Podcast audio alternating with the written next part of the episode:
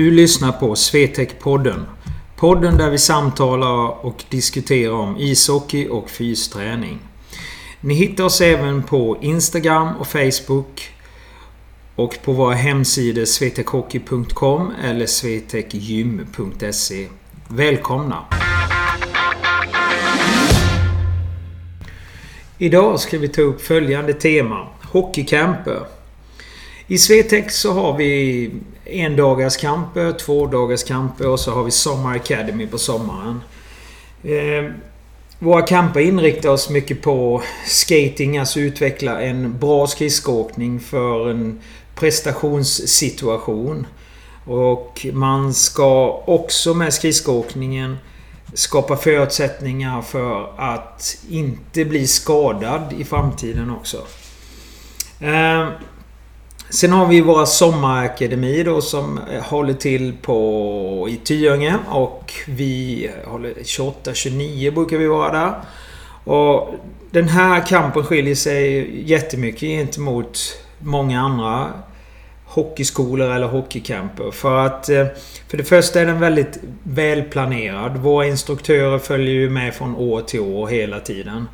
Och vi lägger upp dagarna med att vi har Eh, inlärning utav skatingen där. Och sen så bygger vi ihop det med klubbar och puck. Och sen integrerar vi det då i situationer som eh, ska vara hockeylika om man säger så. Och eh, verkligen utveckla kunskaperna så att man har bra verktyg inför framtiden. För det är ju det som gör att man ska, när man sen blir äldre, kunna göra den här prestationen. Och eh, verkligen ha en framtid inom ishockey. Eh, vi tycker ju att man ska tänka på att när ni kollar hockeyläger och sånt. Titta verkligen på att kampen har en genomtänkt plan. Så inte det är bara som en Eh, ja, saft och kaka-läge.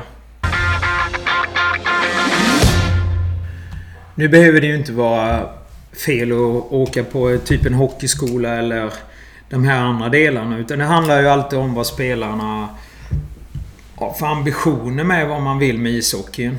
Och eh, Tittar man ofta på hockeyskolor och eh, klubbcamper så, så är det ju Ja, det är kanske en två till tre ispass. Man har lite fys, man har lite lek och det kan vara en hel del vila emellan de olika passerna. Eh, hockeycamper är väl ofta lite mer strukturerade.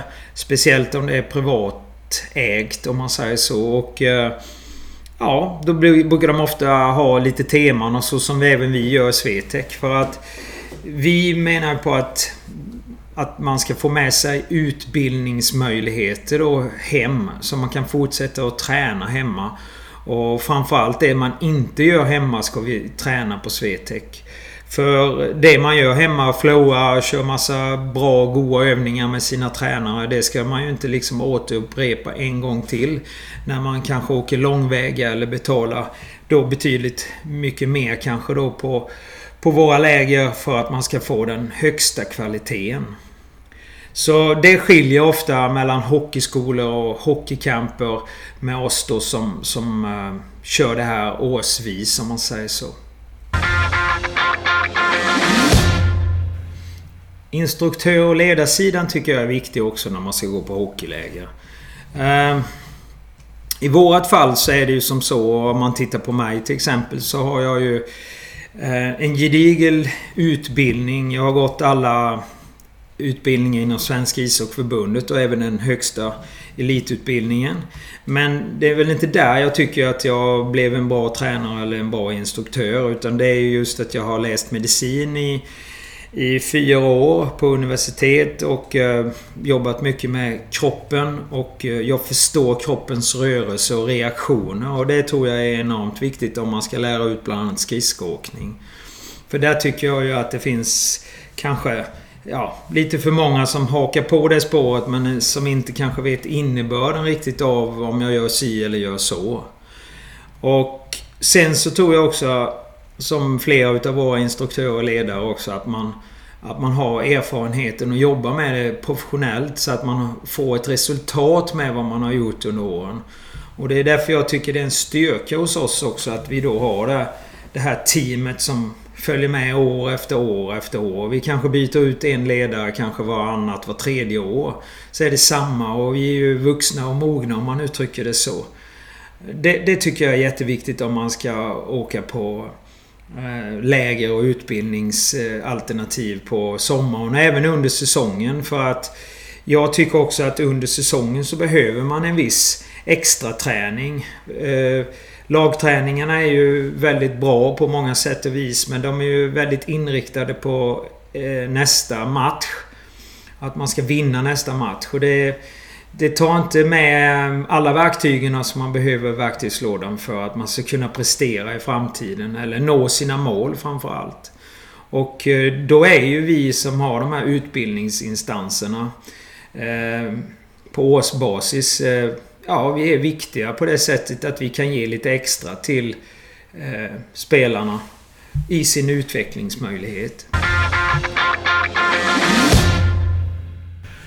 Nu kommer vi till ett hett ämne för... Ja, som vi tycker är väldigt hett i alla fall i Swetec. Och det är någonting som vi har märkt under under de sista åren i alla fall att det har ju skapats väldigt mycket så kallade matchläger och matchturneringar. Det var inte så vanligt förr utan det var typ det vi har pratat om här tidigare i podden. De här hockeyläger och sådär, hockeyskolor och så. Men det har verkligen lavinartat kommit de här så kallade matchdelen av Select-verksamheterna. Och jag, jag har tittat mycket på det där och jag har gått igenom lite med både äldre spelare som jag själv har tränat och, och hört mig för lite grann. Och det är ju en skithäftig grej. Det här med att åka iväg och spela matcher en helg eller en dag och sådär. Man tar sig till eh, Litauen eller Italien eller var man nu åker någonstans. Så det tycker jag kan vara en häftig sak. Men att göra det hela tiden. Det har jag mindre förståelse för. För att om man tittar på hur mycket speltid man har kontra också utvecklingsmöjligheten så är den ju inte stor. Ehm, det blir ju som sagt var väldigt lite tid på den tiden som man lägger ner så man får utveckling. Så jag kan ju tycka att många eh, spelare och föräldrar biter sig i skägget här. Att man inte förstår det eller kanske rättare sagt är lite logisk att jag behöver faktiskt verktyg för att jag ska kunna slå ner en spik. Det är svårt att göra det med handen. Och eh, Det här tycker jag att man borde tänka sig till om man har lite mer mål och vill lite mer med sin ishockey. Att, eh, ja, någon gång kan man göra det. Men man behöver nog faktiskt utveckla sig som individ betydligt mycket mer för att man ska kunna nå de där målen som man kanske har i bakhuvudet. Och där kan jag tycka att det är lite för mycket. Eh, jag vet spelare som åker på det här väldigt kontinuerligt under hockeysäsongerna. Och det ska vara roligt. Jag följer dem lite på distans och jag kan... Min känsla är att eh, tyvärr så tror jag inte det blir så mycket av det. För att de har ju inte tillräckligt med verktyg sen för att prestera när det väl kommer ett skarpt läge. Och framförallt när de kommer uppåt i åldrarna där man behöver både en bra fysisk grund och sen också kunna applicera den här delen ihop med tekniken. Och eh, talang kan man ju inte leva på hela livet utan det lever man bara på en kort period under sin uppväxt. Ja, det här var första avsnittet då på Swetec-podden och eh, det är väl inte den bästa podden som finns ute i eten men eh, jag har försökt att göra det bästa möjliga. Jag lär mig väl under vägen och jag hoppas ni har gillat vad ni har hört. Eller har fått i alla fall en tanke. Och eh, man behöver inte alltid gilla det man hör heller. Eh, men jag hoppas ni lyssnar på nästa avsnitt. Så eh, kolla på Instagram, Facebook och vår hemsida. Så hörs vi. Tack för att ni lyssnade.